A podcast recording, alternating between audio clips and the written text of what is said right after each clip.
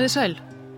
Það var fögnuður og eftirvending í loftinu á götunum í Yangon eða Rangon, höfuðborg Suðaustur Asíuríkisin sem ímest er kallað Myanmar eða Burma. Hér ætla ég að notast við Burma. Í november 2015 þegar tilkynnt voru úrslit fyrstu frjálsu þingkostninga í landinu í aldar fjörðung. Þegar talið var upp úr kjörkosunum urðu úrslitinn eins og margir hafðu búist við og margir sumulegðis vonast eftir. Yfirgnæfandi mest fylgi hlaut líðræðisfylkingin, flokkur sem áratugum saman hafi barist gegn herfóringjastjórninni sem tók völdin í Burma 1962 undir stjórn Aung San Suu Kyi, konunar sem hefur hlotið fríðarverlun Nobels, Sakharov mannréttindaverlunin og allar mögulegar aðrar viðurkenningar fyrir ötula baráttu sína í þáu líðræðis í Burma baráttu sem leti meðal annars til þess að hún sjálf satt í stofufangelsi árum saman. Þrátt fyrir skrefi líðræðisátt og þessar sögulegu kostningar var búrmíski herin eftir meira en hálfa öld við völd ekki alveg tilbúin að stíga alveg til hliðar og vegna formsatriða í stjórnarskrá gatt sjálf líðræðishetjan Aung San Suu Kyi ekki sest í forsæti í hennu nýja búrma Hún varða að láta sér næja annað valda minna ennbætti sem hún gegnir nú en að þessi heimsfræga og lofaða baráttu kona og flokkur hennar verður loksins komin til valda vakti miklar vonir um að Burma væri á réttri leið eftir áratuga óstjórn herfóringja.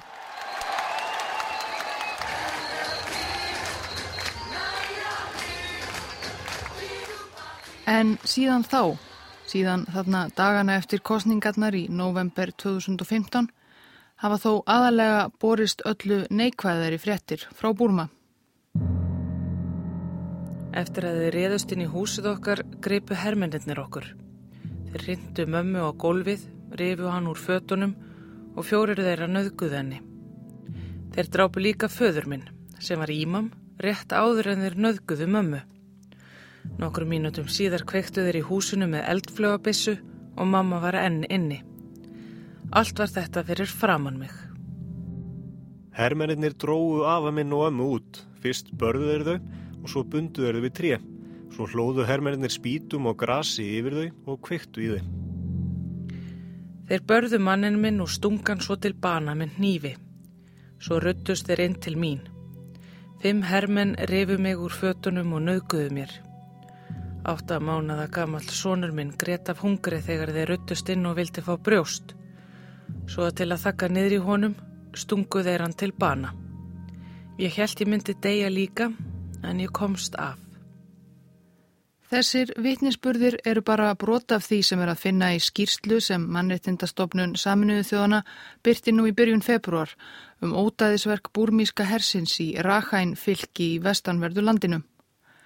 Skýrslu höfundar rættu við fjölda fólks sem á undanförnum vikum hefur flúið frá Rakhæn til Granríkisbúrma Bangladesh, almenna borgara, karla, konur, börn og gamalmenni sem ímist höfðu orðið vittni að hryllulegum ótaðisverkum eða sjálf orðið fyrir barðinu á grimd hersins, töluðum um morð, barsmíðar, pyntingar, íkveikjur og nöðganir.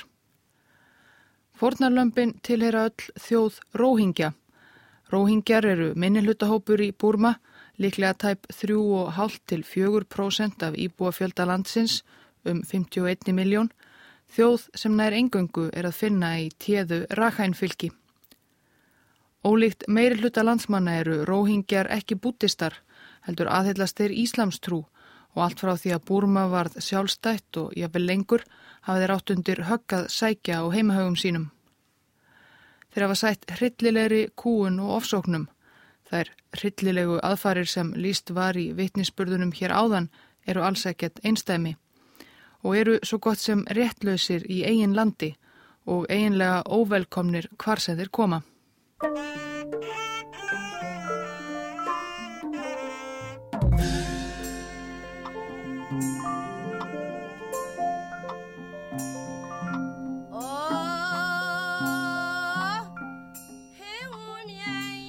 Burma eða Myanmar er vestast af löndunum á Indokínaskaga og Rakhæn fylki er vestast í Burma við kræklóta strandlengjuna að Bengalflóa.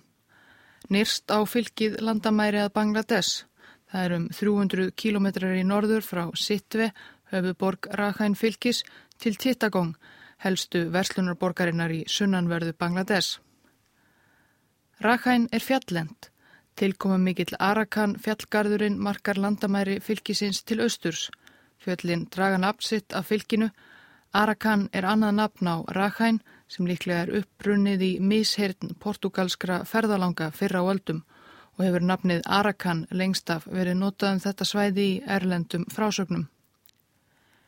En á milli fjallana eru svo djúpir dalir, grösugir og grænir og einstaklega frjósamir.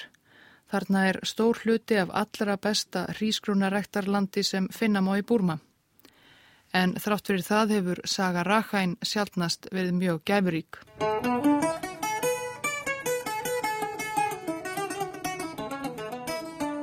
Nákvæmlega hverjir róhingjarnir eru og hvenar þeir komi til þess svæðis sem nú er Búrma og hversu lengi þeir hafa einlega veriðar, það er ekki einfalt mál heldur gríðarlega umdeilt. Það hversu umdeilt saga þjóðarinnar er stafar líklega af því mótlæti sem róhingjar hafa mætt í gegnum tíðina. Óvinnir þeirra hafa ættið viljað gera sem minnst úr sögu þeirra innan landamæra Búrma. Segja að þetta séu lítið annað en nýlega komnir ólöglegir innflytjandur. Aðrir búrmamenn hafi því enga skildu við á. Róhingjarnir sjálfur hafa á svipaðan hátt lengi reynd að leggja áherslu á hitt gagstæða að í Rakhæn fylki eða Arakan og nágræni hafi þeir fæðst lifað og dáið kynnslóðum og öldum saman, eigi því fullan rétt á því að búa í þessu landi eins og aðrir. Eflaust er sannleikurinn nokkuð floknari, hann er kannski þarna einhver staðar í miðjunni.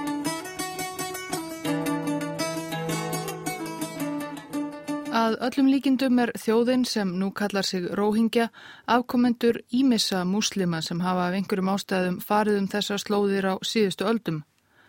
Það stennst nefnilega sannarlega ekki skoðun að halda því fram að saga Íslamstrúar í Búrma sé skömm. Það sem nú er Búrma liggur að því forna menningarsvæði Bengal til vesturs og íslamskir soldánar Bengal byrjuðu að skipta sér af þessum bakarði sínum á 15. öld og þá var það ymitt helst Rakhænfylki eða Arakan eins og héræðið var lengi kallað sem þeir skiptu sér af. Héræðið var um tíma alfarið á valdi Bengalsóldans.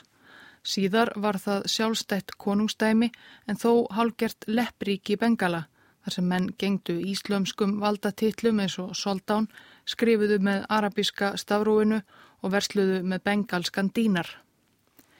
Flestir þegnar konungstæmisins aðhyldust bútismann sem hafi borist á þessar slóðir mörgum öldum fyrr en einhverjir tóku líka trú bengalskra nákvæmna sinna, Íslamstrú og smátt og smátt fór að verða til sérstakur hópur búrmískra múslima, hópur sem nú kallar sig Róhingja. En þessari tilteknu sögu lauk undir lok átjándualdar. Þá hafi nokkuð austar á Indokínaskaga risið upp voldu konungsætt, Kongbang-ættin og lagst í mikla landvinninga í allar áttir. Landvinninga sem áttu eftir að leggja grunnina því sem nú er nútímaríkið Búrma. Konbang veldið beindi spjótum sínum gegn Arakan í lok átjándu aldar og herir þess voru ekki lengi að leggja undir sig hér aðið en það fóru þeir fram af mikilli grymt eins og líst er í gömlu bresku riti um sögu Búrma. Dag einn eftir sigurinn í Arakan tóku Búrma menn 40.000 menn af lífi. Hvar sem þeir sáu fara konu þá tóku þeir hana til sín þegar þeir höfðu drepið mannin hennar ungar stúlkur tóku þeir alveg á þess að hugsa nokkuð um fórældrennar en á þessum slóðum er það vanalegt að fólk reyði sig á afkomendur sína til viðurværis á efri árum. Tökþúsundir íbúa Arakan flúðu innrás Burmamanna yfir til Bengals, til Chittagong sem nú er í Bangladesh og nágrænis. Þeir sem ekki flúðu voru reknir burt af innrásarhernum Gjöfulir hrísgrjóna agrar Arakan og nágræni þeirra svo gott sem tæmtust og næstu árin ógst þar lítið annað en illgresi.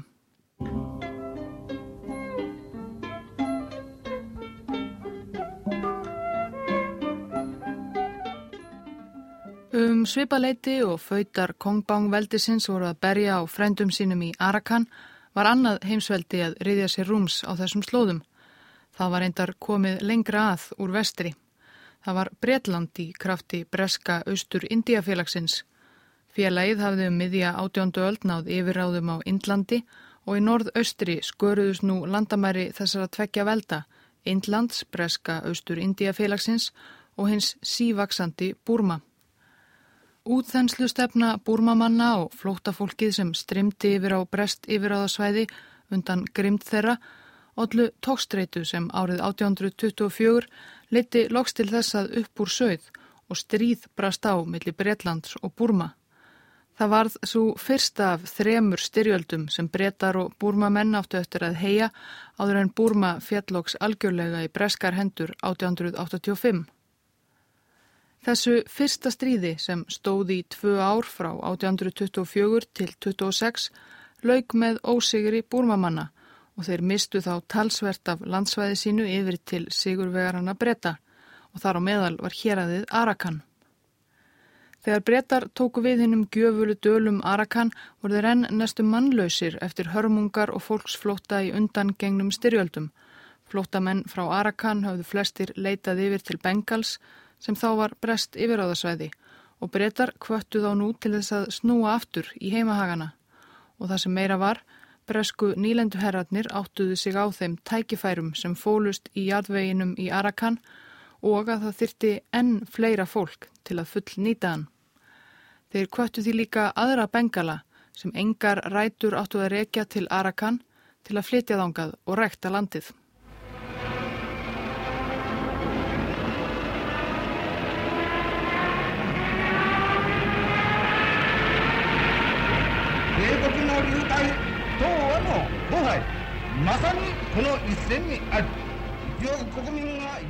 Japanar sem áttu þann draum heitastan á árum setni heimstyrjaldar að drotna yfir stóru heimsveldi í Asíu lögðu Burma undir sig árið 1942. Við það nötu þeir stuðnings búrmískra þjóðernis og sjálfstæðis sinna sem sáu tækifæri í Japunum, tækifæri til að losna loksundan bresku nýlendu oki sem þeir höfðu lengi barist gegn. Fremstur í flokki sjálfstæðisinnana fór ungur herfóringi og hugssjónamaður að nafni Aung San, fadir baróttukonunar og Nobels velunahafans Aung San Suu Kyi. Hann áttaði sig þó fljótt á því að Japanar voru bara að notfæra sér hann og stuðningsmenn hans og voru alls ekki tilbúinir að veita búrmamönnum neitt í líkingu við það sjálfstæði sem þeir hefðu vonast til. Reyndust lítið skári herrar en breytar, já reyndar miklu verri en það er kannski önnur saga. Undir breskum yfiráðum á síðustu áratugum 19. aldar og fyrstu áratugum þeirrar 20. hafðu 2000 manna sér staði Arakan í vestri til að vinna á hrísgróna ögrunum. Þar voru bæði afkomendur arakanskra flótamanna, mestmægnis bútistar sem blönduðust innfættum frændum sínum og frengum og svo hreinræktaðir bengalar, flestir múslimar sem breytar fluttu inn í stórum stíl og sem blönduðust svo þeim múslimum sem fyrir voru í fylginu og múslimarnir urðu þannig með tímanum fjölmennari en bútistarnir. Þessi tveir hópar unnu þó framan af saman á ögrunum mestmægnis í sæmilegri sátt og samlendi þó svo að breytar hafi af hópunum tveimur haft meiri mætur á aðkomi fólkinu ef markam á ofinber skjöl frá nýlendutímanum og nutu þeir því ímissa vildarkjara. Bengalar eru sparsamir og geta borgað án vandkvæða skatta sem eru arakanverjunum þungar byrðar. Þeir eru ekki spilafíklar eins og arakanverjar nýja háðir ópjumreikingum og samkeppni af þeirra hendi er smátt og smátt að riðja innfættum úr sessi.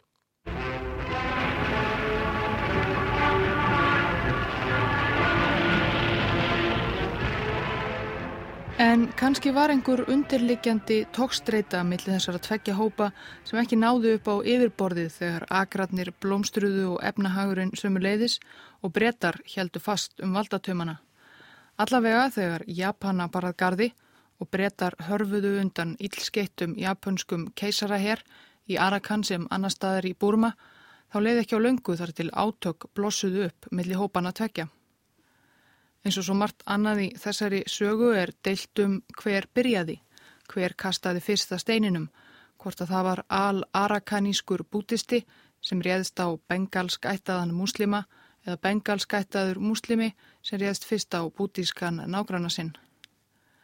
Arakanverjar töldu sig nú allavega eiga harmað hefna eftir að íslamskir nágrannar þeirra höfðu verið í uppáhaldi hjá nýlendu herrunum og réðust gegn þeim að fullri hörku. Blóðugar óerðir brutust út í Þorpum og bæjum í Arakan og 2000 múslima reyndu í ofvæni að flýja fótgangandi í vestur yfir á brest yfiráðasvæði. Þúsundir fórust á leiðinni.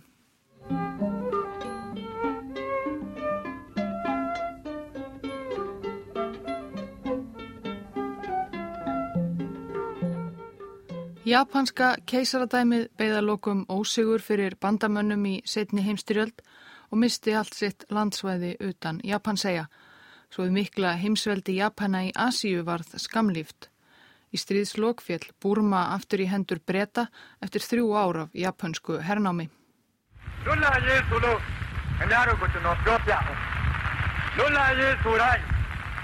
Er.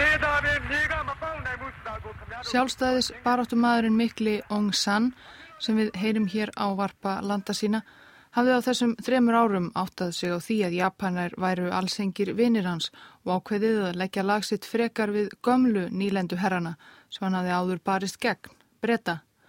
Og strax í stríðslokk byrjaði hann að þrýsta og breyta um að veita Burma sjálfstæði. Sú barátta bar árangur þann 4. janúar 1948 þegar Burma sagði formlega skilið við breska heimsveldið og stökk fram á heimskortið sem sjálfstætt ríki.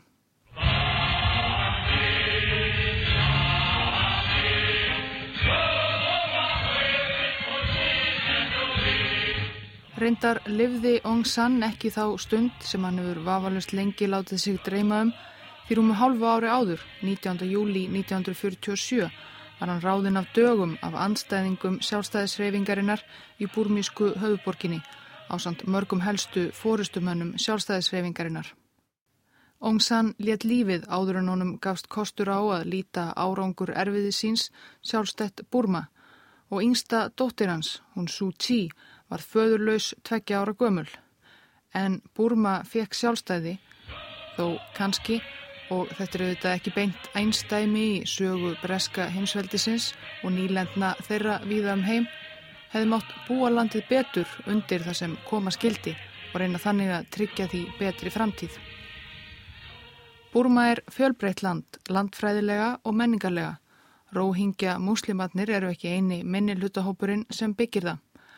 Aug bútísku Bamar þjóðarinnar sem Burma dregur sennilega napsitt af og er um 60-70% íbúa landsins, eru þarna líka margvíslegar aðrar þjóðir sem gegna ímsum nöfnum, Sján, Karen, Mon, Kaja, Kasín, Indverjar og Kínverjar og svo mætti lengi telja. Aug bútisma má svo innan landamærarna finna ekki aðeins muslima heldur líka kristna og hindúa. Það var því ekkert gefið mála þegar Burma fekk loksins sjálfstæði 1948 að allir erðu sammála um hvað skildi gert svo. Ekki einu sinni innan sjálfstæðisreifingarinnar sem hafi alltaf verið skipuð mismunandi fylkingum sem saminuðust einungis í sameinlegum áhuga á sjálfstæðu Burma, sósialistum, kommunistum, hægrimönnum og allt þar á milli. Blóðu baráta millir margvísleira fylkinga braust út strax á fyrstu dögunum eftir sjálfstæði langþráða. Meinu hlutahópar eins og Karen þjóðin og róhingja múslimatnir í vestri gripu sömu leiðist til vopna og kröfðust aukinar sjálfstjórnar. Átökunum fylgdu miklar róstur á stjórnmálasviðinu. Þeim lög ekki fyrir enn 1962. Þá tók búrumíski herin til sinna ráða og steifti borgarlegum stjórnvöldum. Í fórustu valdaránsmanna var hersöðingi að nafni Nei Win.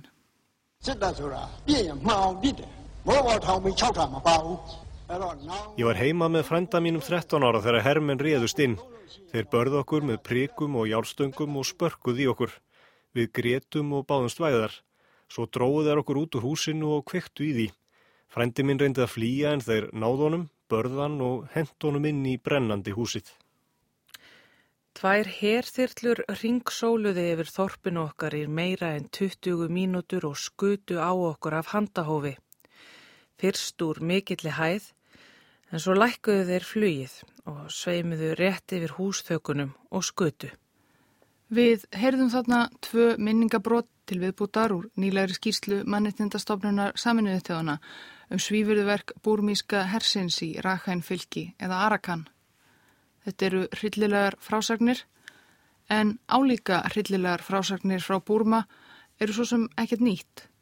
Voru það alltjönd ekki á meðan hersöðingin Nei Vinn var við völd.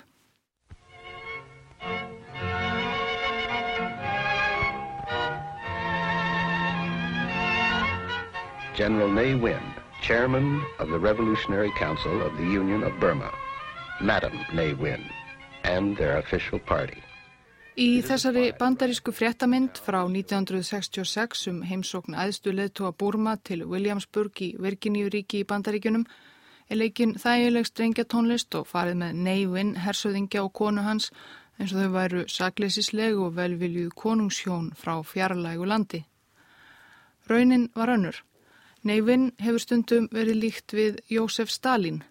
Hann var duttlungafullur lífslautnamaður, hafi dýran smekka á mat og víni, sólundaði formúum í veðreiðar og annað fjárhuttuspil, giftist sexinum, reyndar þar af tvísvar sömu konunni, let stjórnuspekinga sína ráða mikilvægum ákvörðunum um stjórn landsins, skaphundur og grimmur einræðisherra sem stjórnaði í krafti umfangsmikillar og miskunarlausar leinilauruglu sem fyldist með öllum allstæðar. Þegar Neivin tók við var í Burma blómlegt menningarlíf og þar voru gefin út ótal dagblöð og tímaritt. Neivin bannaði allt slíkt, alla frjálsa fjölmiðlun. Hann bannaði aðra stjórnmáraflokka en sinn eigin og hersins og kæfði allar tilraunir til andofs gegn sér og konum sínum á sama hátt og Stalin hafi gert í Sovjetríkinum. Hann notaði óspart þræla í framkvæmdum hins opimbera, þjóðnýtti allt og einangraði landið frá umheiminum. Hann bannaði allt sem honum fannst ekki nægilega búrmíst, allt frá öðrum trúarbröðum en bútisma, niður til saklýsislegar dagradvalar eins og vestræns samkvæmistans og veðreiða sem hann helt þó sjálfur áfram að stunda erlendis og hann arðrændi líka land og þjóð. Búrma státar ekki aðeins af gjöfulum jarðvegi, heldur einnig fleiri auðlindum, ólíu, jarðgasi, demöntum og fleira, en af þessu fengu almennir búrmamenn ekki að njóta góðs. Á valdatíð neyvin varð Búrma á næstum undraverðan hátt, eitt af fátækustu ríkjum heims. Á meðan var neyvin sjálfur tíður gestur á askott veðriðunum frægu í Breitlandi.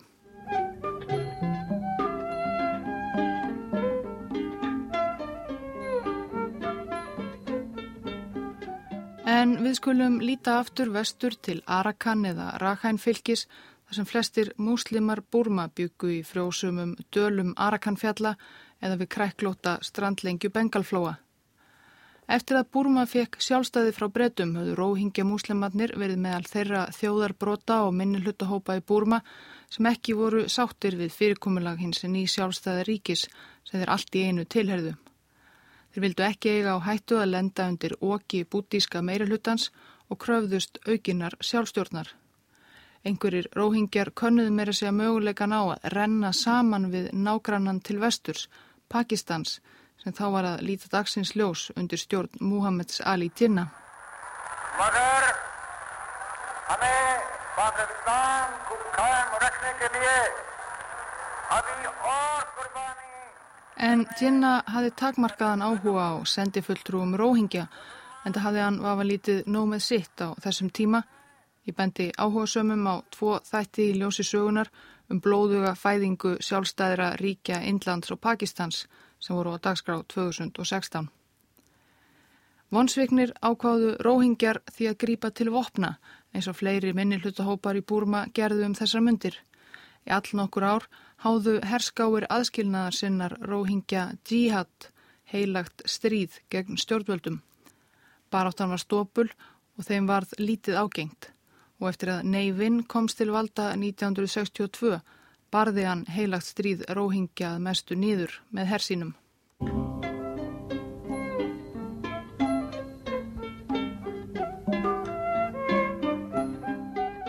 Langfæstir róhingjar í Búrma í dag eru búrmískir ríkisborgarar og þannig hefur því verið farið kynnslóðum saman í raun síðan Búrma varð sjálfstætt. Þó svo að á þeim tíma hafi ímsar breytingar orðið á stjórnarfarinu og ímsir herfóringjar komið og farið. Róhingjar eru alltaf jafn ríkisfangs og réttinda lausir, sama hvað er krefjast þess að fá sömu borgarlegu réttindi og aðrir bortnir og barnfættir búrmamenn. Eins og fyrir segir halda óvinnir róhingjaði fram og hafa lengi haldið því fram að þeir eigi ekkert tilkall til ríkisborgararéttar eða annara réttinda því þeir séu bara nýlegir innflýtjendur, ólögulegir flótamenn. Margir í Búrma halda því til að mynda fram að þeir sem kallir sig róhingja í Rakhæn fylki í dag séu bara bengalskir flótamenn sem hafi leitað ángað eftir sjálfstæði stríð Bangladesh 1971 þegar Pakistan hans Muhammeds Ali Jinnah sem einhverjir róhingjar hafðu viljað ræna saman við klopnaði millir vesturs og austurs. Samkvæmt samtíma heimildum flúðu vissulega einhverjar þúsundir manna það blóðuga stríð yfir til Búrma en flestir snýru svo aftur heim þegar sjálfstætt Bangladesh leitt dagsins ljós. Og eins og við höfum heyrt liggja rætur Íslamstrúar og muslima í Burma miklu lengra aftur en bara til ásins 1971.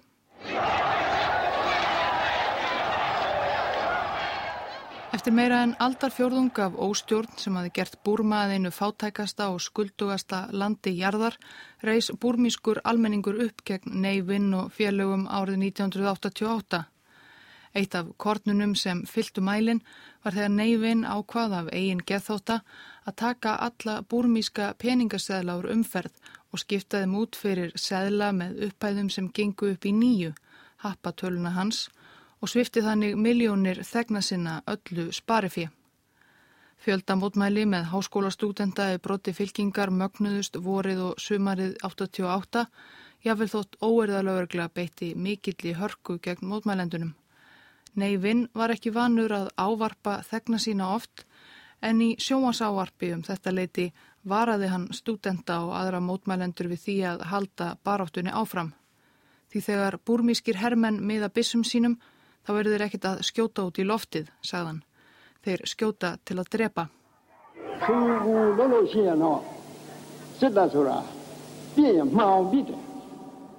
En mótmælendurnir letu sér ekki segjast og heldu áfram.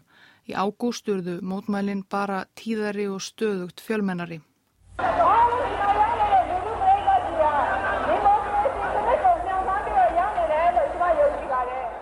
Og mitt í þvögunni steg fram á sjónarsviðið 43 ára gömul kona sem lengst af hafi alið mannin í Breitlandi en var búrmísk í húð og hár.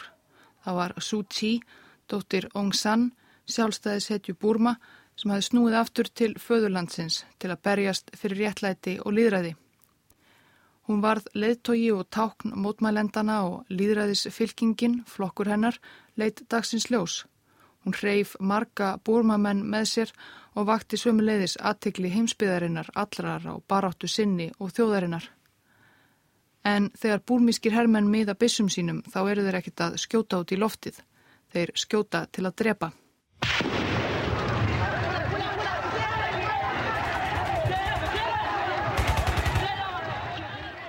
Áætlað er að á bylunu þrjú til tíu þúsund manns hafi fallið þegar búrmískir her og lörglumenn kváðu rækilega niður andofsreyfinguna gegn herfóringjastjórninni í ágúst og september 1988.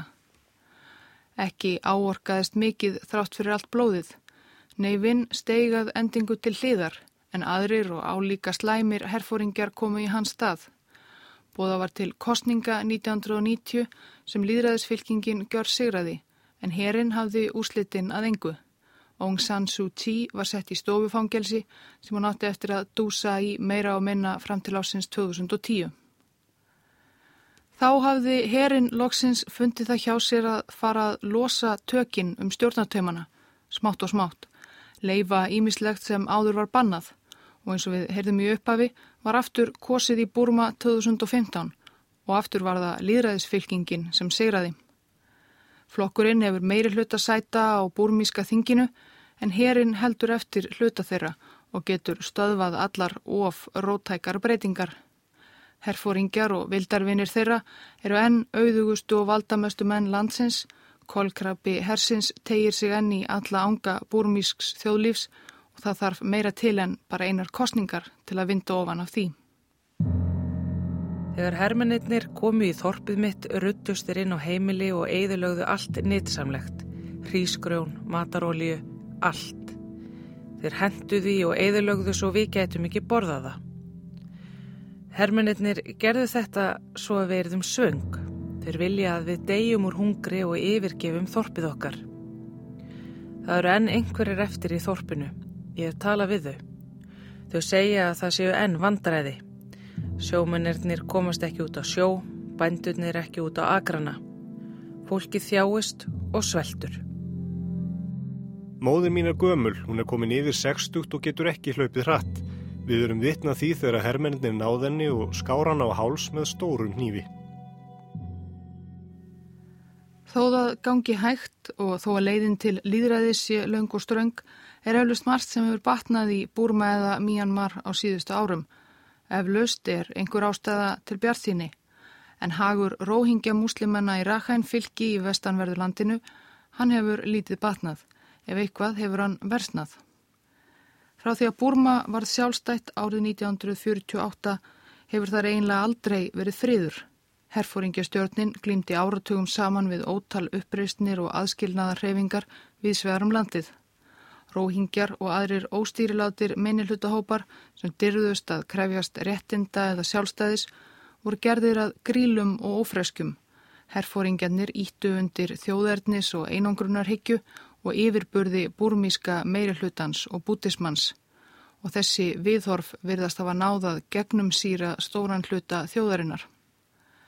Þegar farið var að aflétta verstu hömlunum á mál og reittfrelsi og búrmamenn gáttu farið að tjá sig opinskátt á internetinu í fyrsta sinn um 2012 flyktust margir á samfélagsmiðla og tóku til við að úthúða róhingjum þar. Hundar og hriðiverkamenn ljótu helvítis tröllin. Það hjálpar róhingjum eflust ekki að þeir eru talsvægt dekkri á hörund en meiri hluti búrmamanna. Um þessar myndir 2012 fór sá orðrómur eins og eldur í sinu meðal bútískra íbúa í Rakhæn fylki að íslamskir nágrannar þeirra fjölguðu sér svo ört að senn yrðu þeir, bútistarnir, í minnihluta í fylginu. Sambúðin styrnaði sífelt og loks sögð upp úr í lok mæ. Gamal kunn saga, einhver úr öðrum hópnum réðst á einhvern úr hinnum hópnum og auðvitað er deilt um hver byrjaði. En svo fórum henn að hefna og vítarhingur ábeldis fórur böndunum. Í byrjun júni 2012 logaði Rakhæn fylgi í óerðum, íkveikjum, nöðkunum og morðum. Tugir hið minsta voru myrtir og þúsundir róhingja flúðu óeldina yfir til Bangladesh. Bættust þar með í hóp ótal bræðra sinna og sistra sem hafa flúið Burma undan farin ár og áratögi, undan ofsóknum eða bara fátækt og skort á tækifærum. Ekki að það býði þeirra mikið skári tilvera neins staðar annar staðar. Margir daga uppi í ömurlegum flótamannabúðum í Bangladesh. Aðrir reyna að komast eitthvað lengra burt til Tælands, Malasíu, Ástralíu um borði í oflöðunum og hriblegum fegðarflegjum eins og flótafólkið á miðjararhafi sem við heyrum svo margar frettir af og eins og flótafólkið á miðjararhafi komast ekki næri því allir til strandar. Einu nóttuna fórum við og fjölskelda mín upp í bát til að reyna að sigla yfir til Bangladesh. Við vorum í áni miðri þegar landamæraverðirnir byrjuði að skjóta á okkur. Bátarnir sökku og við lendum öll í áni. Þrýr frændur mínir, tveggja til fjögur ára gamlir, druknuðu. Í næsta bát druknuðu fleiri börn. Landamæraverðir frá Bangladesh komu okkur til bergar. Frá óverðunum 2012 hefur ítrekkað aftur blossað upp ófriðar báli í Rakhæn fylki millir óhingja og bútista. Nú síðast í árslokk 2016 þegar búrumíski herin ákvað af einhverjum ástæðum að láta til skara skrýða almennilega gegn þessum óstýrlátu róhingjum. Samkvæmt búrumískum stjórnvöldum har ástæðan svo að einhverjir róhingjar hafðu ráðist á lauruglustöð einhver staðar. Þess var þau vitað hefna og lögregla og herr letu til skara skrýða með íkveikjum og nöðgunum og barsmýðum og mordum eins og rannsakendur mannreitindastofnunar saminuðu þjóðana hafa komið stað og hlustendur hafa fengið að heyra. Hermenn fara þorp úr þorpi og verðast engu eira. Og ekki bara hermenn heldur hafa nágrannar, róhingja, almennir borgarar, bútistar, slegist í lið með hermennunum og tekið ötulan þátt í ábeldinu. Stundum fá þeir líka útlutað vopnum og búnaði frá hernum. Það er erfitt að segja til um umfang blóðbaðsins en það sér heldur ekki fyrir endan á því enn. Saminuðu þjóðunar, aðrar alþjóðastofnanir og mannittindasamtök hafa gaggrínt búrmísk stjórnveld hardulega fyrir aðfæriðnar. Þetta geti að vel flokkast sem glæpur gegn mannkinni, þjóðertis hreinsanir og þjóðarmorð. En stjórnveld í Búrma verða slítið hlusta á slíkt Sama hvað saminuðu þjóðunar segja í einhverjum skýrslum og sama hversu hryllileg myndbönd byrt eru í erlendum fjölmjölum og samfélagsmiðlum af afleiðingum grimdarverka búrmíska hersins í Rakhæn, af grátandi fólki sem rótar örvendingar fullt í öskurhrúum sem eitt sinn voru hús þeirra á heimili innan um sviðinar líkamsleifar ástveina sinna.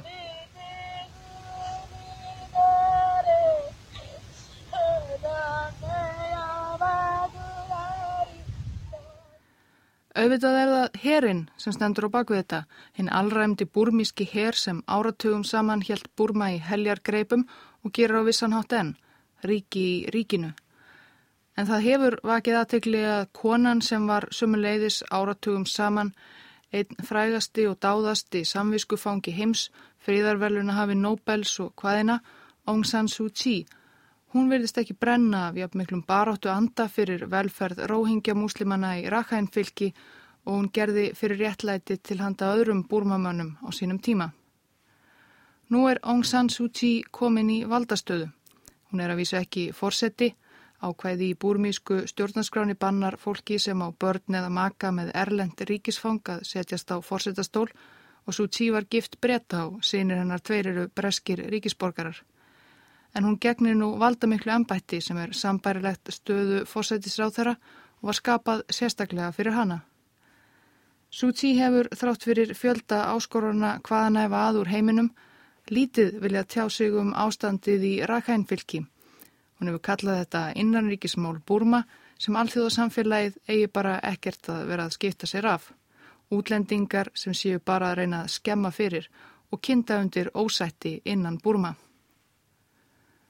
Aung San Suu Kyi hlaut fríðarverlun Nobels árið 1991 fyrir friðsamlega baráttu hennar í þáu líðræðis og mannrettinda stóði raukstuðningi norsku Nobelnemdarinnar. Hún satt þá í stofufangelsi fyrir hlutsin í uppreysninni gegn búrmísku herstjórninni þremur árum áður. Sónur hennar Alexander Aris, 18 ára, fór til Noregs og tók við verlununum í hennar stað.